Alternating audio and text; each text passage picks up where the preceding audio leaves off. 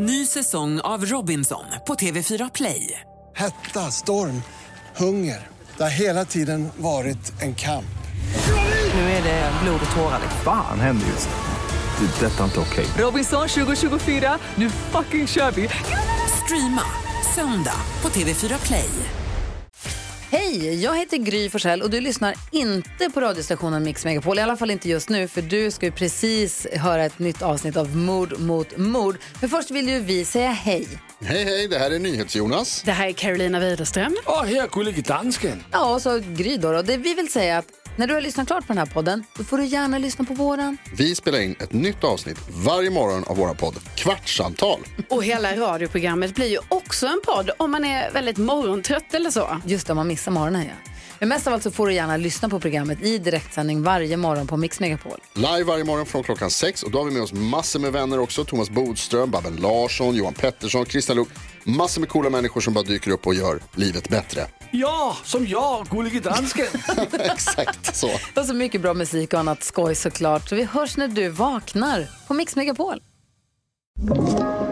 Podplay.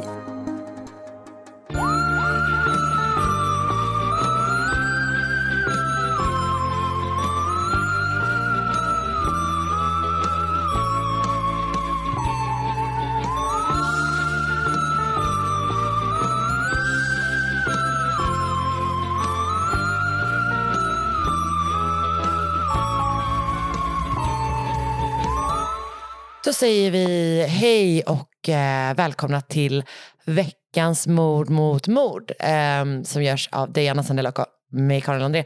Och när vi släpper det här då ska vi se, då är det typ, Det är dagen före dopparedagen. Eller? det, nej, dagen före dagen. Eller? Dagen före dagen. Eller? Jag tror Någonstans där innan jul. det är inte torsdagen den 22. Jag tror det. All right.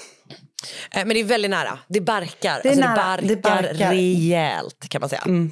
Underbart. Vad kommer du göra liksom, den 22? Var är du då i världen och livet? Eh, I livet så befinner jag mig väl på ungefär samma plats. Eh, jag är mamma till Sigrid, jag och sådär. Eh, Ja. Men vi kom, gud, det var det enda som definierade mig som person. Nej, det var det inte. Men det var det viktigaste du, för som du ville säga först. Ja,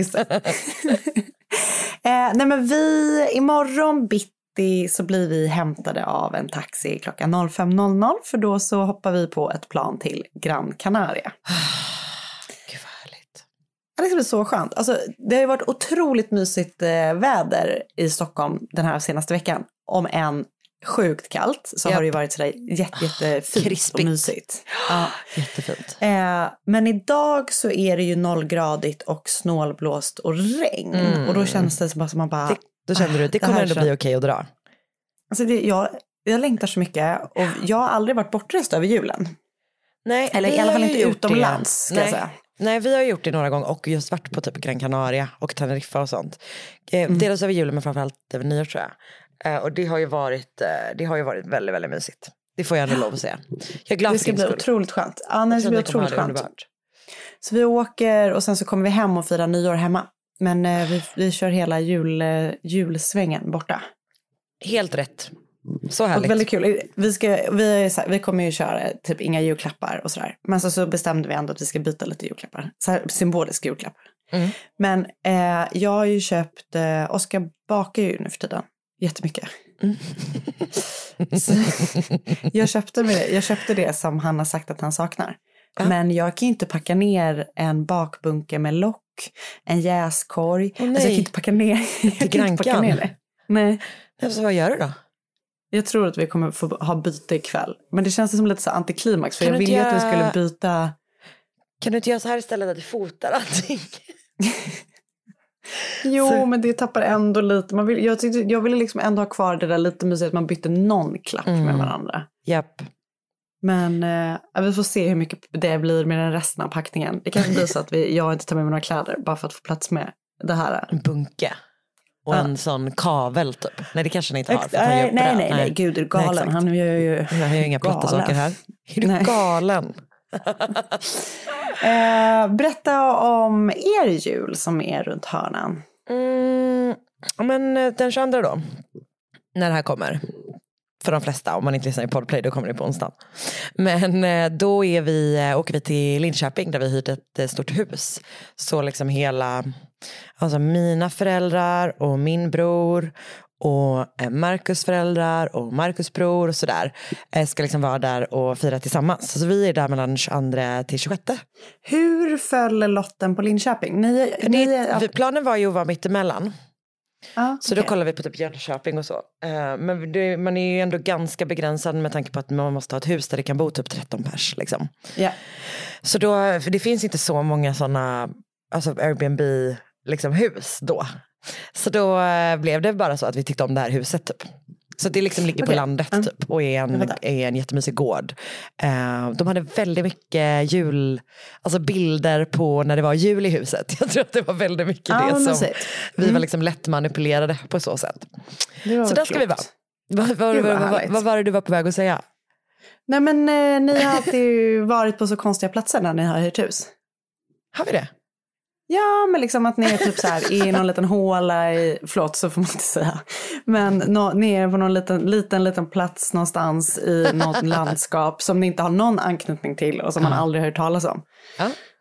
Och väldigt mycket typ att ni har varit så här mycket i skogen, vilket känns eh, som två västkustsjälar, så borde ni söka er till havet. Men det kanske är just därför ni söker er till skogen, för att ni är liksom fed up med, med salthavet. Men vi hyrde ju, eh, vi älskar ju Orust, där vill vi ju gärna vara. Men det är ju på den här sidan, men det är ju på sommaren liksom. Eh, men så där kommer vi ju, eh, dit kommer vi åka i- i sommar igen. Men du har helt rätt i det. Alltså, och grejen är att eh, vi gillar ju att vara i skogen, det har vi varit några gånger. Men vi kan ju också verkligen gilla att vara i typ en helt random stad. Vilket ju är tur då eftersom det är det enda vi är varje dag typ. Eh, så det är ju tur för oss att det liksom att det ändå passar funkar. helt enkelt. Mm. Eh, men just nu är jag ju i, då i mitt älskade Göteborg. Ja, mysigt. Eh, och eh, jag kan bara passa på att säga då, både till dig, till lyssnarna men kanske framför allt till Pelle, känd nu då från våran eh, livesändning som vi gjorde förra veckan. Eh, det vill säga Pelle som klipper våran podd och eh, hjälper oss med massa saker. Eh, att jag har en lånad mick idag, så om det låter lite annorlunda så vet man varför, för jag glömde nämligen. Nu fick alla höra det. Vad härligt att du tog exakt. det on air. Så Nu vill säga. alla liksom höra det. Eh, om det är någon annan sån supernördig ljudperson som blir tokig just nu så kan jag berätta att det är därför. Jag har, har åkt alltså hit och utan poddmick insåg jag när vi var på Centralen och fick total panik. Men så Marcus har fått eh, liksom det är ju tur att han känner många komiker som har Jag tror att det blir poddar. superbra ändå Karin. Jag tror att det kommer lösa sig Ja, men perfekt. så jag har alltså fått låna en poddmick av eh, en tjej som heter Matilda Willmark som har en podd med sin kille som är, heter Taberas som är en matpodd.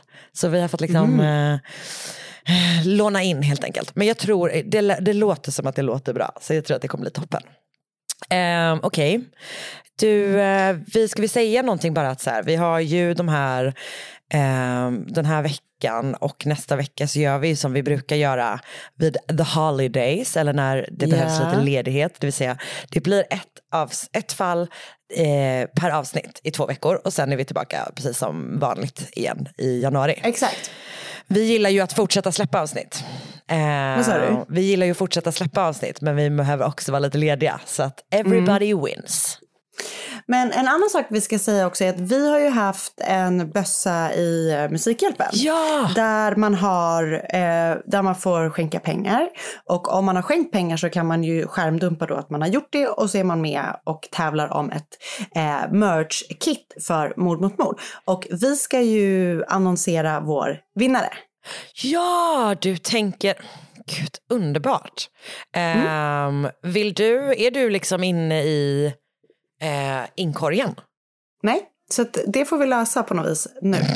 Ska vi, ja, jag har ingen aning om vad lösenordet är. Ska vi ta det on air med eller? Ja, men vi, kan, eh, vi, kan, vi kan ju klippa in eh, någonting här Pelle. Ja, Lite pausmusik? Ja. Okej, Men vi måste ju ta... Jag, nu ska vi se, jag tror kanske att jag har lösenordet här. Ja, jag är inne. Yes, snyggt. Och då tänker jag att vi lottar helt enkelt. Ska jag helt enkelt tänka på ett nummer och sen så tar du det, eh, det mejlet? Eh, ja, Jag tänker att jag, hur, har, du, har det kommit in några mejl till att börja med? det har det. Vi Det har, har mejl. Ah, bra. Ehm, då tänker jag på siffra nummer sju. Jag är faktiskt lite besviken på det att du inte satsade och sa typ så 700. Men okej, siffran 7. jag, ville, jag, kände, jag kände att vi var så blottade där. Att, jag, att jag inte vågade. Okej. Vill du ge mig ett spann? Nej, men för nu Nej, har jag redan dragit en... sju. Nej, nej, nej, det var många fler. eh, och jag kan säga att vi har en vinnare.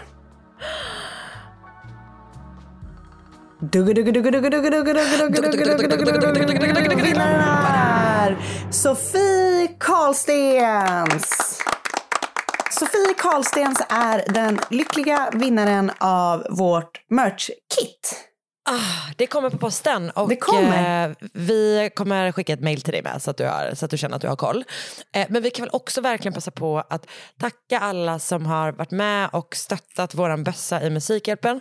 Vi landar alltså på 12 Så jäkla 440 bra. Mm. kronor just nu i alla fall. Man kan ju skänka en liten stund till med. Eh, så jävla jävla bra. Alltså, jag känner mig som vanligt så mallig i Mm. Musikhjälpen-tider för att ni är så himla himla bra. Så tack snälla för det. stolt. Jag Väldigt, är väldigt stolt. Och grattis till Sofie. Och om man vill köpa merch så kan man göra det på Podstore. Exakt. eh, vad bra. nu kör vi va?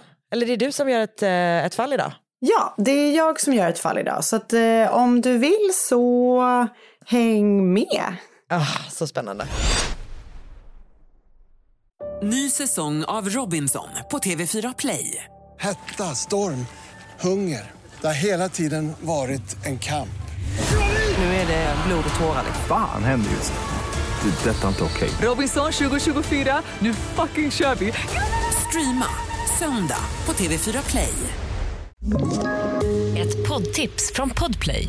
I fallen jag aldrig glömmer djupdyker Hasse Aro i arbetet bakom några av Sveriges mest uppseendeväckande brottsutredningar. Går vi in med hemlig telefonavlyssning och, och då upplever vi att vi får en total förändring av hans beteende. Vad är det som händer nu? Vem är det som läcker? Och så säger han att jag är kriminell, jag har varit kriminell i hela mitt liv men att mörda ett barn, där går min gräns. Nya säsongen av Fallen jag aldrig glömmer på Podplay.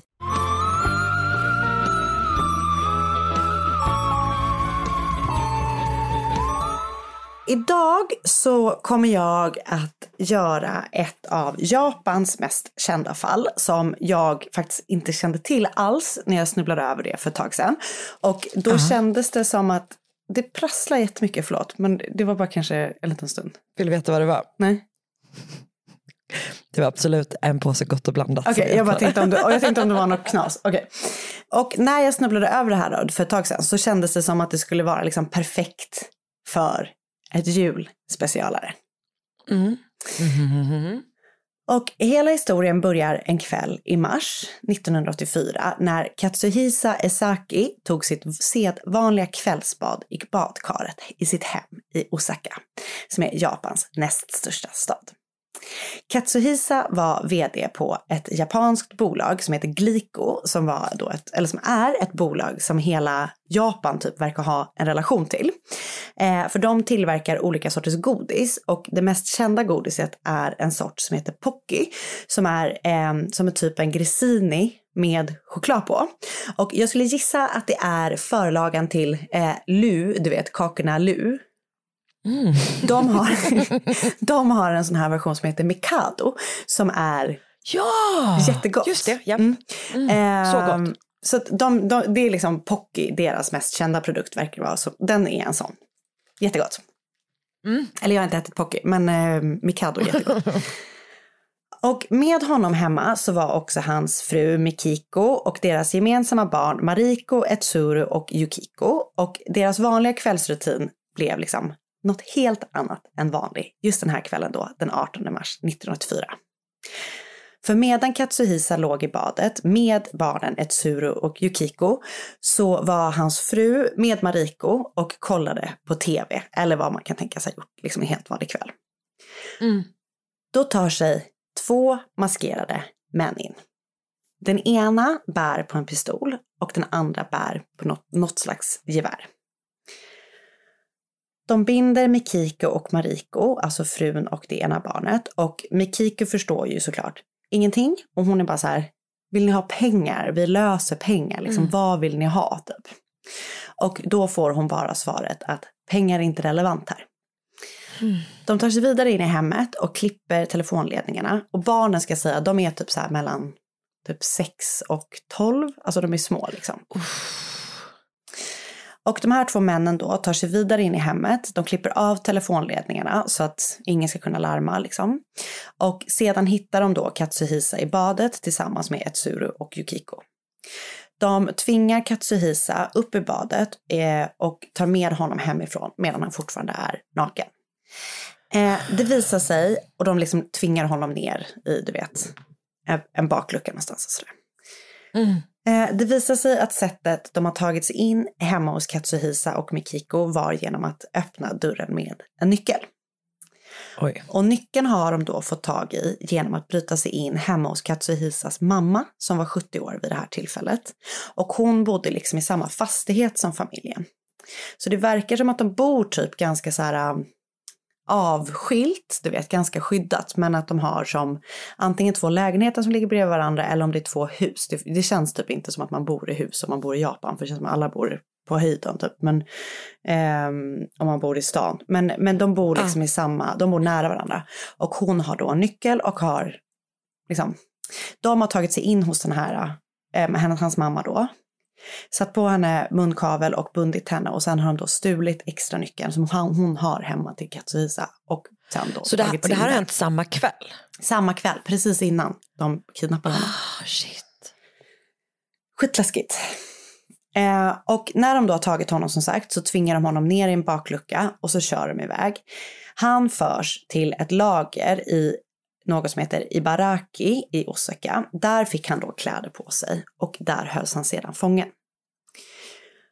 Och även om de då har sagt till eh, eh, sagt att pengar inte var relevant när de tog Katsuhisa så kom det ändå ett brev där de begärde en miljard yen, vilket motsvarar ungefär 9 miljoner dollar i dagens värde.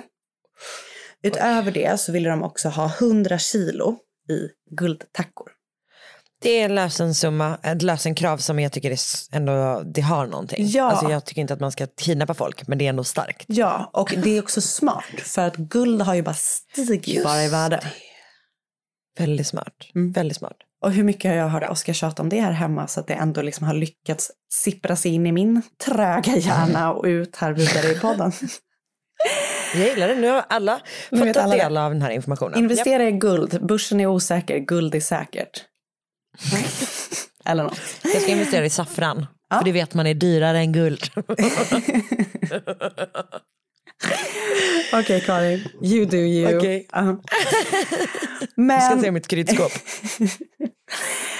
men då, Katsuhisas familj hann inte betala ut någon lösensumma till kidnapparna för efter tre dagar i fångenskap så insåg Katsuhisa att han var obevakad och han kände att de repen som hade använts för att binda honom inte satt särskilt hårt.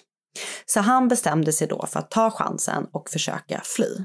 Och han lyckas med det. Och han är oskadd liksom. Han är ju såklart sjukt skakad, men han är liksom fysiskt oskadd. Och eh, så småningom, det verkar liksom som att, du vet, folk typ fattar inte vem han är. Du vet, det verkar som världens mest så här osannolik. Han har typ varit i något så här lager vid vattnet som är någon slags, jag förstår inte exakt vad det är, men det har precis legat typ vid en hamn eller någonting, någon vattenreningsställe. Du vet, allting bara verkar så helt osannolikt. Till slut så hamnar han hos, hos polisen då och berättar vad som har hänt och de fattar ju vem han är för han är ju liksom, du vet, eh, så. Eh, men han kan liksom inte berätta någonting som kan hjälpa polisen att förstå vem som har tagit honom.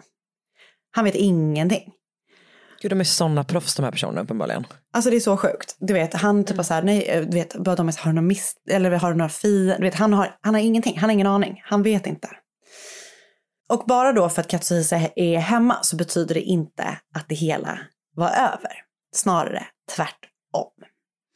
För ungefär tre veckor efter att Katsuhisa kommit hem så var det någon som tände eld på sex stycken bilar utanför Glikos huvudkontor. Vilket såklart inte bara förstörde bilarna utan det orsakade också så här väldigt stora skador runt omkring branden. Så att det är liksom, de vet inte vem det är som har kidnappat honom. De vet inte liksom varför egentligen, mer än att de då vill ha pengar. Men till slut så ger de sig också då på liksom själva hans arbetes eh, Ah. kontor. Och polisen då som utreder kidnappningen av Katsuhisa fick ju liksom anledning att ännu mer intensifiera sitt sökande efter de skyldiga.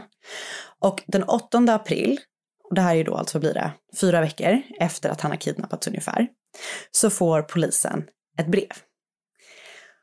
Och brevet var från den eller de som hade kidnappat Kitsu, Kitsuhisa. Och i brevet stod det på ett ungefär, här har det då gått från japansk till engelska till svensk översättning. Japp. Till de japanska polisdårarna. Är ni dumma? Ni är så många. Vad i hela friden gör ni? Om ni är riktiga proffs, om ni är riktiga proffs, försök fånga mig. Det finns för mycket, handi- det, det finns för mycket eh, handikapp, alltså det vet inte vad det liksom ska vara egentligen. Så jag ska ge dig en ledtråd. Alltså han tycker väl, brevskrivaren tycker att de är för dåliga, så han ska ge polisen. De är för, ni är för dåliga så jag ska ge en lo- Exakt. ledtråd. Ja. Det är inga kamrater i Esakis släktingar. Det är inga kamrater i Nishoni, ni, Nishinomiyaya... Nej, förlåt, okej, jag tar om det. Nishinomiyaya... Nish, Jag tror på dig. Nishinomiya-polisen. Det är inga kamrater i Flood Fighting Corps. Bilen jag använde är grå. Mat vi köp, köpte, maten köpte vi på Daiei. Om du vill ha ny info, be om den i tidningen. Efter att jag berättat allt detta borde du kunna fånga mig. Om du inte gör det är du en skattetjuv. Ska jag kidnappa chefen för prefekturpolisen? Okej, den här personen är savage. Alltså så sjuk. Det är verkligen helt Okej. starkt. Alltså för Också så mycket, så, så många ledtrådar ändå. Ja. Ändå snäll. Väldigt Jag är speciellt. så intrigued. Mm. Väldigt, väldigt spänd. Ja. Och det slutar heller då inte med det här brevet eller de här bilbränderna, utan bara några dagar efter att den här branden då och det här brevet har liksom kommit, är skett och sen kommit till polisen då, så händer ytterligare en skum grej. För en dag så hittas någon typ av plastbehållare och den, den liksom varierar lite i storlek beroende på vad man liksom vilken källa man är i.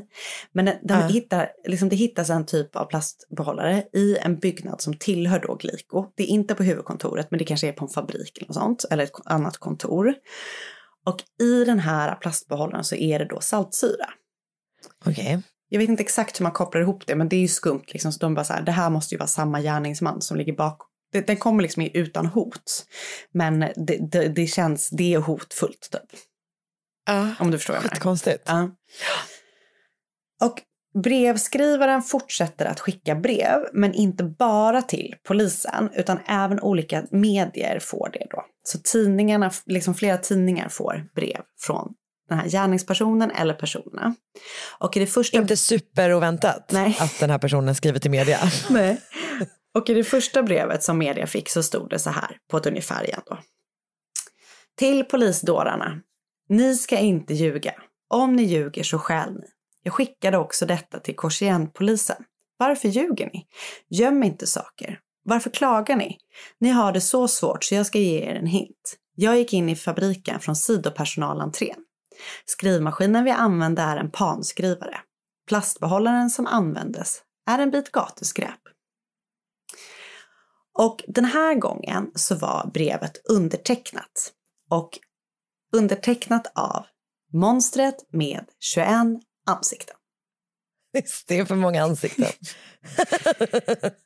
Och det här är Okej. ju liksom Det är såklart så, så spännande. skitspännande. Och för att de media, de får ju liksom en field day liksom. Och alla på Glico är ju såklart superstressade för de har fortfarande ingen aning om vem det är som är ute efter Glico eller Katsuhisa. Och ytterligare två veckor till efter att tidningarna då har mottagit det här första brevet med, från monstret med 21 ansikten så kom det ett till brev till Glico från samma användare. Nu också då undertecknat med Aha. monstret Ja. med 21 ansikten. Och det här bre- brevet var liksom inte bara så häcklande eh, som de har fått innan, utan det innehöll också, innehöll också information som fick alla på Gliko och polisen att bli minst sagt oroliga. Okej. För brevskrivaren eller brevskrivarna berättade då att de har förgiftat glikogodis. Och de har förgiftat en jättestor mängd glikogodis med kaliumcyanid. Och de hotar då med att de ska placera ut det här förgiftade godiset i butikshyllorna. Oh, Okej. Och det här är ju såklart alltså katastrof, för kaliumcyanid är ju ett jättekraftfullt gift eh, som är dödligt och som har ju liksom använts för att mörda folk. Alltså det är jättedödligt liksom. Ah. Så det blir ju eh, liksom, bara, jaha, hur fan ska vi göra nu liksom? Ah. Och eh, efter mycket om och men då, så, eller jag vet inte hur mycket om och men, men jag tänker mig att de har dividerat mycket fram och tillbaka på glikokontoret. Eh, Det får man ändå tänka. Så bestämmer de sig då för att återkalla typ allt godis. Alltså du vet så här, de tar in så sjukt mycket godis. De bara plockar in det från alla hyllorna. Eh, och det görs ju såklart inte i en handvändning och det var och heller liksom inte gratis för dem. Eh, men de gör ju såklart det för att ta det säkra för det osäkra. Den här lilla övningen, eller vad man- ska kalla det, kostade Glico 20 miljoner dollar. Och det ledde till att de tvingades säga upp 450 medarbetare. De skulle också senare rapportera att de förlorat 130 miljoner dollar i försäljning som en följd av hela liksom, den här Ah, eh, situationen. affären, liksom. Mm. Eh, så det är ju liksom verkligen så här förödande för det här bolaget. Eh, alltså sen är det ett jättestort, jag, jag tänker typ att det nästan är som Coca-Cola. Liksom. Men, men de klarar Ja, det. ja. Men det, det är ju såklart påverkar ju deras varumärke och eh, resultat. Ja, och på ett 450 helt personer blir av med jobbet. Ja, nej men så hemskt. Alltså det är bara, det är helt sjukt Jag läste någon annanstans att det var upp till tusen personer, men de flesta källorna har legat mellan 400 och 500. Så jag hoppas att det Ah. snarare var det än det dubbla. Oh, Okej. Ja, eh, det skulle visa sig då att inget av det här godiset som de sen plockade in från hyllorna som återkallades var förgiftat. Nej. De hittade inget gift, liksom, varken kaliumcyanid eller någonting annat. Det som det här däremot ledde till var att eh, polisen för första gången fick någon som de skulle kunna se som misstänkt. För polisen kom över övervakningsmaterial från en mataffär där en man som såg suspekt ut iförd baseballkeps såg ut att placera ut glikogodis på hyllorna. Så han står, det finns liksom, man får, jag har sett någon bild, det står liksom, han står verkligen och så lyfter upp godis på hyllorna.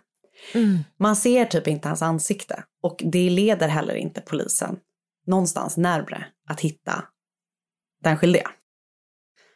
Och efter hela den här svängen så bestämde sig monstret med 21 ansikten för att gå vidare.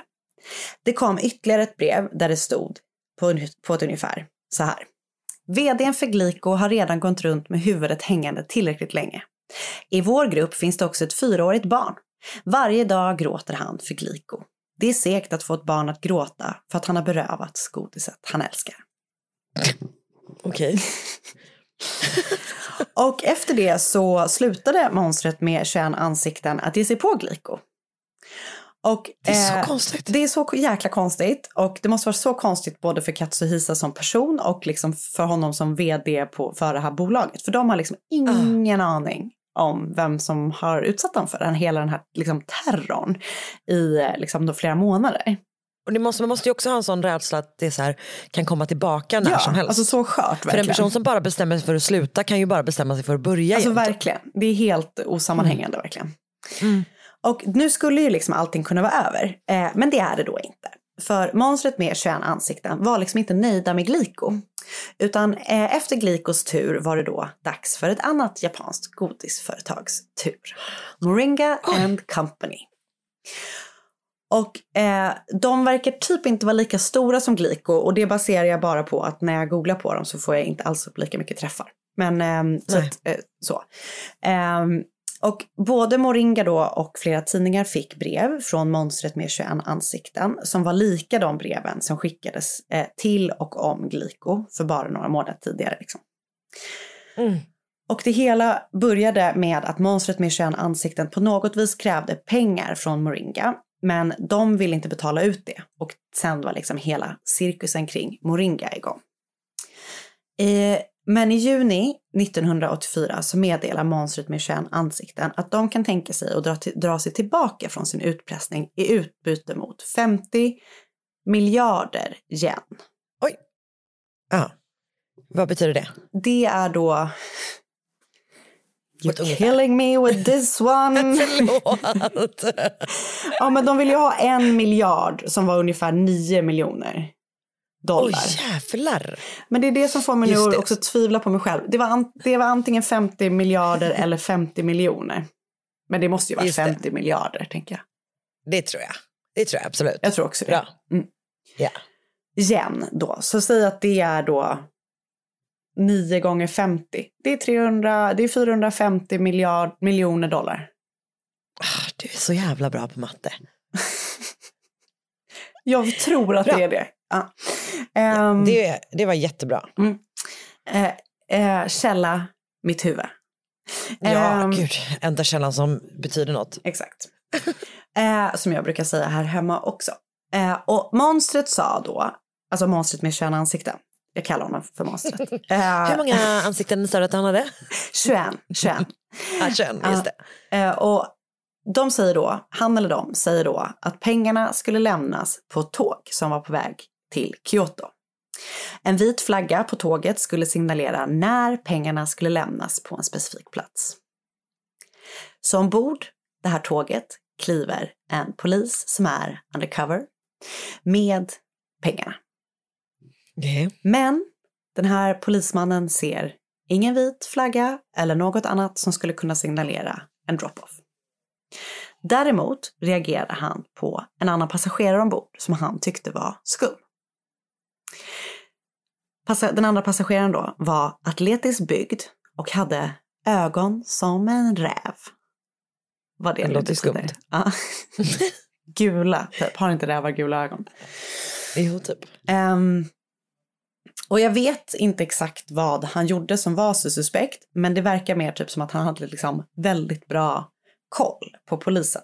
Alltså du vet att, man, att polisen märkte att han var betraktad av den här mannen. Typ. Ja.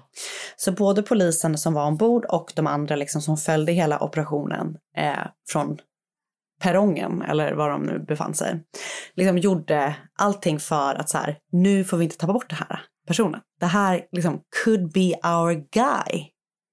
Men de tappar såklart bort honom. Nej. Ny säsong av Robinson på TV4 Play. Hetta, storm, hunger. Det har hela tiden varit en kamp. Nu är det blod och tårar. Fan händer just nu. Det. är Detta är inte okej. Robinson 2024, nu fucking kör vi! Streama söndag på TV4 Play. Ett poddtips från Podplay. I fallen jag aldrig glömmer djupdyker Hasse Aro i arbetet bakom några av Sveriges mest uppseendeväckande brottsutredningar. Går vi in med hemlig telefonavlyssning och, och då upplever vi att vi får en total förändring av hans beteende. Vad är det som händer nu? Vem är det som läcker? Och så säger han att jag är kriminell, jag har varit kriminell i hela mitt liv men att mörda ett barn, där går min gräns. Nya säsongen av Fallen jag aldrig glömmer på Podplay.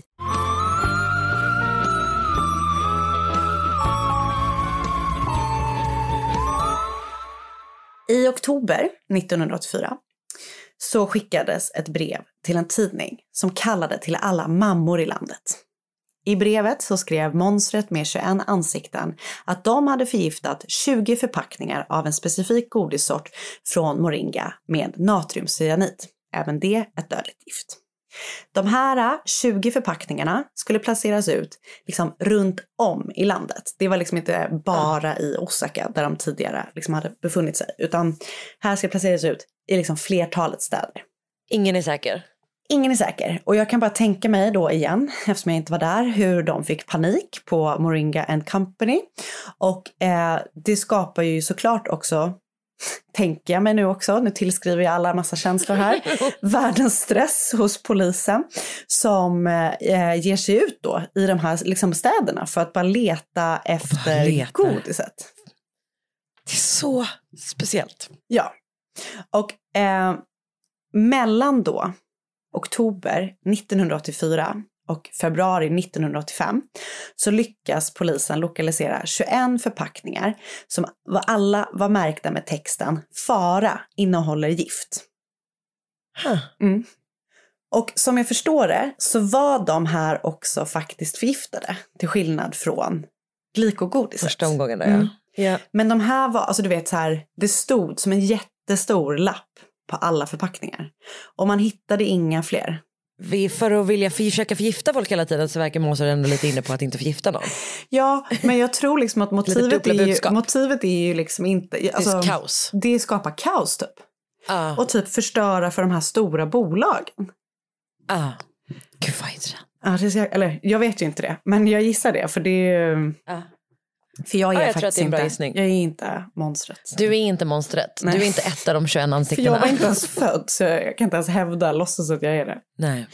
Okej, och även vd då på, vdn på Moringa and Company, Mitsuo, Mitsuo Yamada, fick brev från monstret med 21 ansikten direkt skickat till sig. Och i det brevet stod det på ett ungefär. Till vdn. Du såg vår makt, eller hur? Om du inte lyder oss kommer vi förstöra ditt företag. Du kommer att dödas. Bestäm om du vill ge oss pengar eller om du vill se ditt företag förstört. Berätta för oss i Miancini... Mi, Manchi... Alltså, f- vad svårt det är med japanska. Ehm, Mainichi, Mainichi Newspaper den 5 eller 6 november.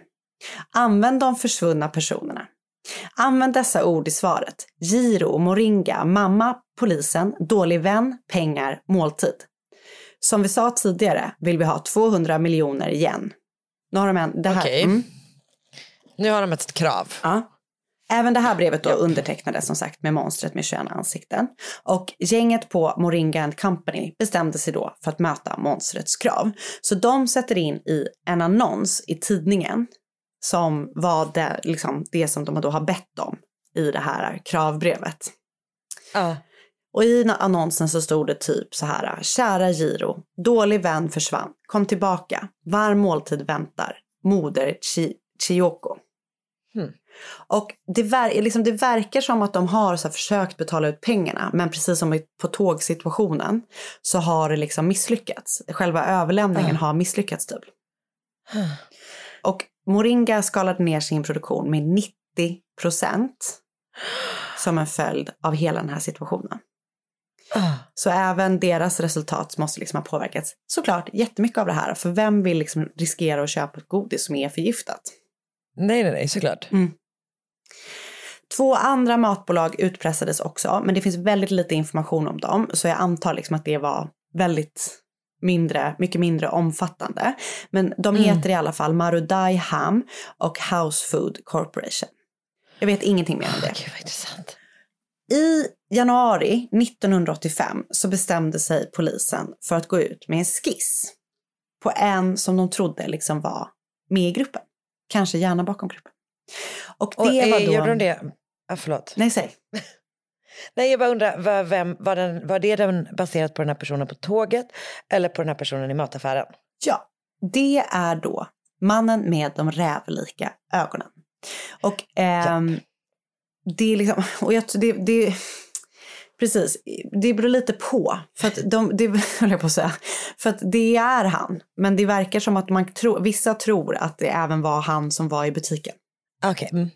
Tänk dig typ att, det, att man jobbar med en sån skissperson och så bara Rävigare! De måste bli rävigare. Ja, men jag måste typ undersöka hur rävars ögon ser ut. Det känns som en referens jag aldrig skulle göra själv. Fast man typ, har man inte en väldigt tydlig bild på något sätt ändå? Man har en känsla mer än vad man har fakta. Men jag Förstår tänker jag typ att de menar? har gula ögon. Ja, det tänker jag med. Men då måste de ju typ ha det. Och listiga. Ja, exakt. Ja, Då måste de ju ha det. Eh, Nåväl, den här skissen leder ingenstans heller. Och även om monstret med 21 ansikten satte skräck liksom både i bolagen och typ generellt liksom landet så var det ju ingen som än så länge hade kommit till liksom fysisk skada. Man kan ju verkligen tänka sig att alla har liksom drabbats ordentligt, om inte minst Katsuhisa Ja, ja, ja. som har kidnappat. Men rent kroppsligt så har liksom ingen skadats. Men i augusti 1985 så hände något väldigt tragiskt. För då, i augusti då, begick polischef Yamamoto självmord. Och anledningen som i alla fall tillskrivs det här självmordet var då att han inte hade lyckats fånga monstret med 21 ansikten. Han har liksom varit den polischef som är typ, har varit ansvarig liksom för utredningen. Och eh, det, verk, och det har ju varit ett så superhögprofilerat fall. Alla har varit jätteintresserade av det. Det, det har säkert varit så både politisk stre- äh, press, alltså du vet så här, han, måste, ha- han har varit under Ja. sån riktig press. Eh, så han begick eh, självmord eh, och liksom, anledningen som sägs att han gjorde det var då att han eh, liksom hade misslyckats med det här då. Efter att Yamamoto begått självmord så kom då ytterligare ett brev till media. Även det här brevet då var undertecknat av monstret med 21 ansikten. Och i brevet så stod det på ett ungefär så här. Yamamoto från Shiga Prefecture Police dog. Vad dumt av honom. Vi har inga vänner eller hemligt gömställe i Shiga. Det är Yoshini eller Shikata, som är andra poliser som jag förstår det, som borde ha dött. Vad har de gjort så länge som ett år och fem månader? Låt inte skurkar som oss komma undan. Det finns många fler dårar som vill kopiera oss. Yamamoto utan karriär dog som en man, så vi bestämde oss för att ge vår kon- kondolians. Vi bestämde oss för att glömma tortera, alltså sluta för tortera livsmedelsföretagen. Om någon utpressar något av livsmedelsföretagen så är det inte vi utan någon som kopierar oss. Vi är bad guys. Det betyder att vi har mer att göra än att mobba företag. Det är roligt att leva en bad, bad guys liv. Monstret med 21 ansikten. Undrar om det var 21 personer i gruppen. Ja, men man undrar så jäkla mycket. Och det som är så sjukt då, det här brevet är det sista man någonsin hör från den här gruppen. Eller den här personen. Sen är det liksom bara helt jävla stopp. De gör ingenting mer. Och polisen fortsätter ju såklart att fortsätta leta efter den eller de skyldiga. Men det händer Ah. ingenting mer. Ingenting. De bara drar sig undan. Jävlar. Det är så jäkla skumt. Och 1995 så preskriberades kidnappningen på Katsuhisa, Kitsuhisa, alltså tio år efter att det hade skett. Och ytterligare fem år senare, då, år 2000, så preskriberades också då förgiftningen av det här godiset. Polisen utredde 125 000 personer i utredningen. Oj jävlar. Alltså det är så jäkla sjukt. Jag vet inte hur noga. Monstret men det... med 125 000 med ansikten. Ehm, eh, i utredningen. Men än idag då så vet man inte vem eller vilka det var som försatte hela landet och kanske framförallt Osaka och liksom de här företagen i skräck. Det har ju funnits flera misstänkta, eh, bland annat då den här rävögde mannen.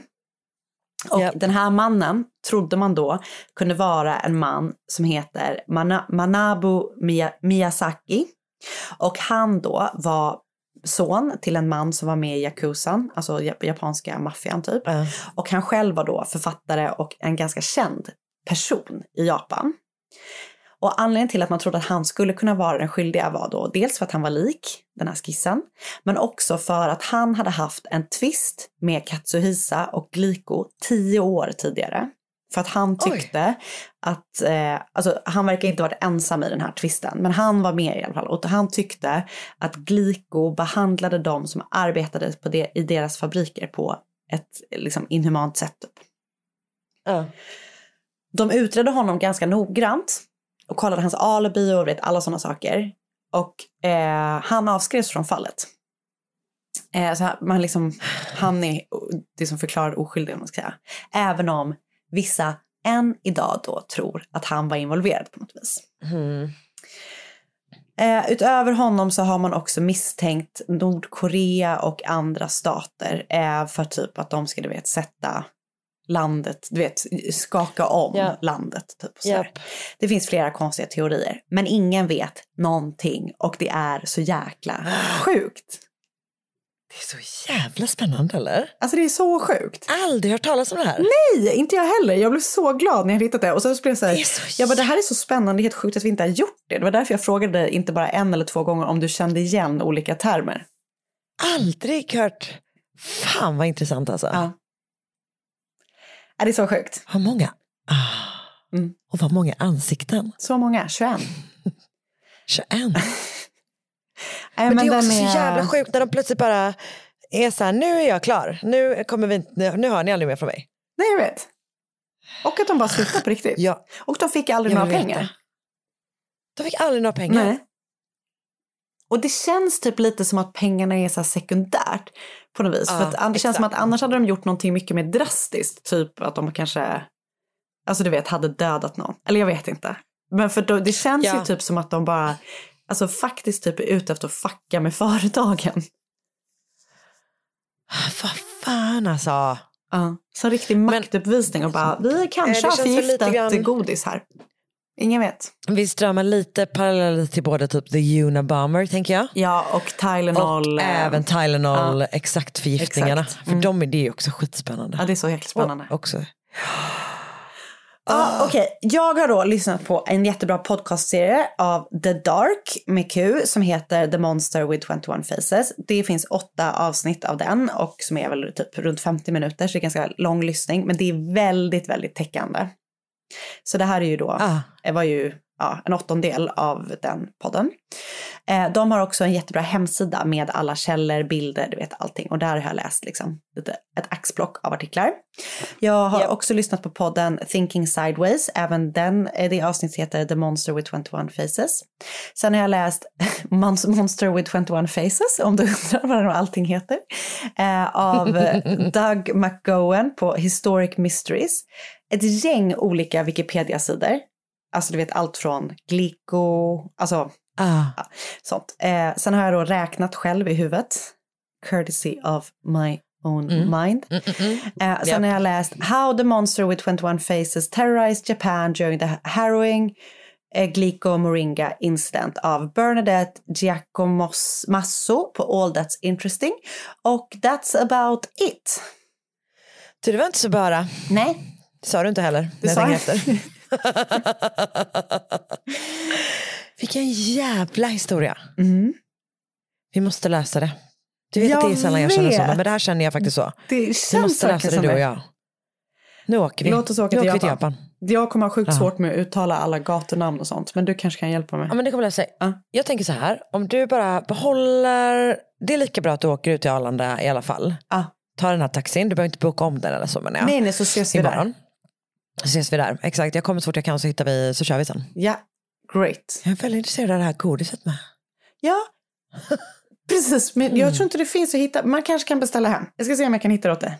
Men, nej, men vi kommer inte, kommer inte behöva göra det för vi ska ju till Ja, Japan. vi ska ju dit. Ja, just det. Vi Just ska ju dit. Så det är lugnt. Det är lugnt. Vi kan köpa med oss. Ja. Det kommer bli grymt.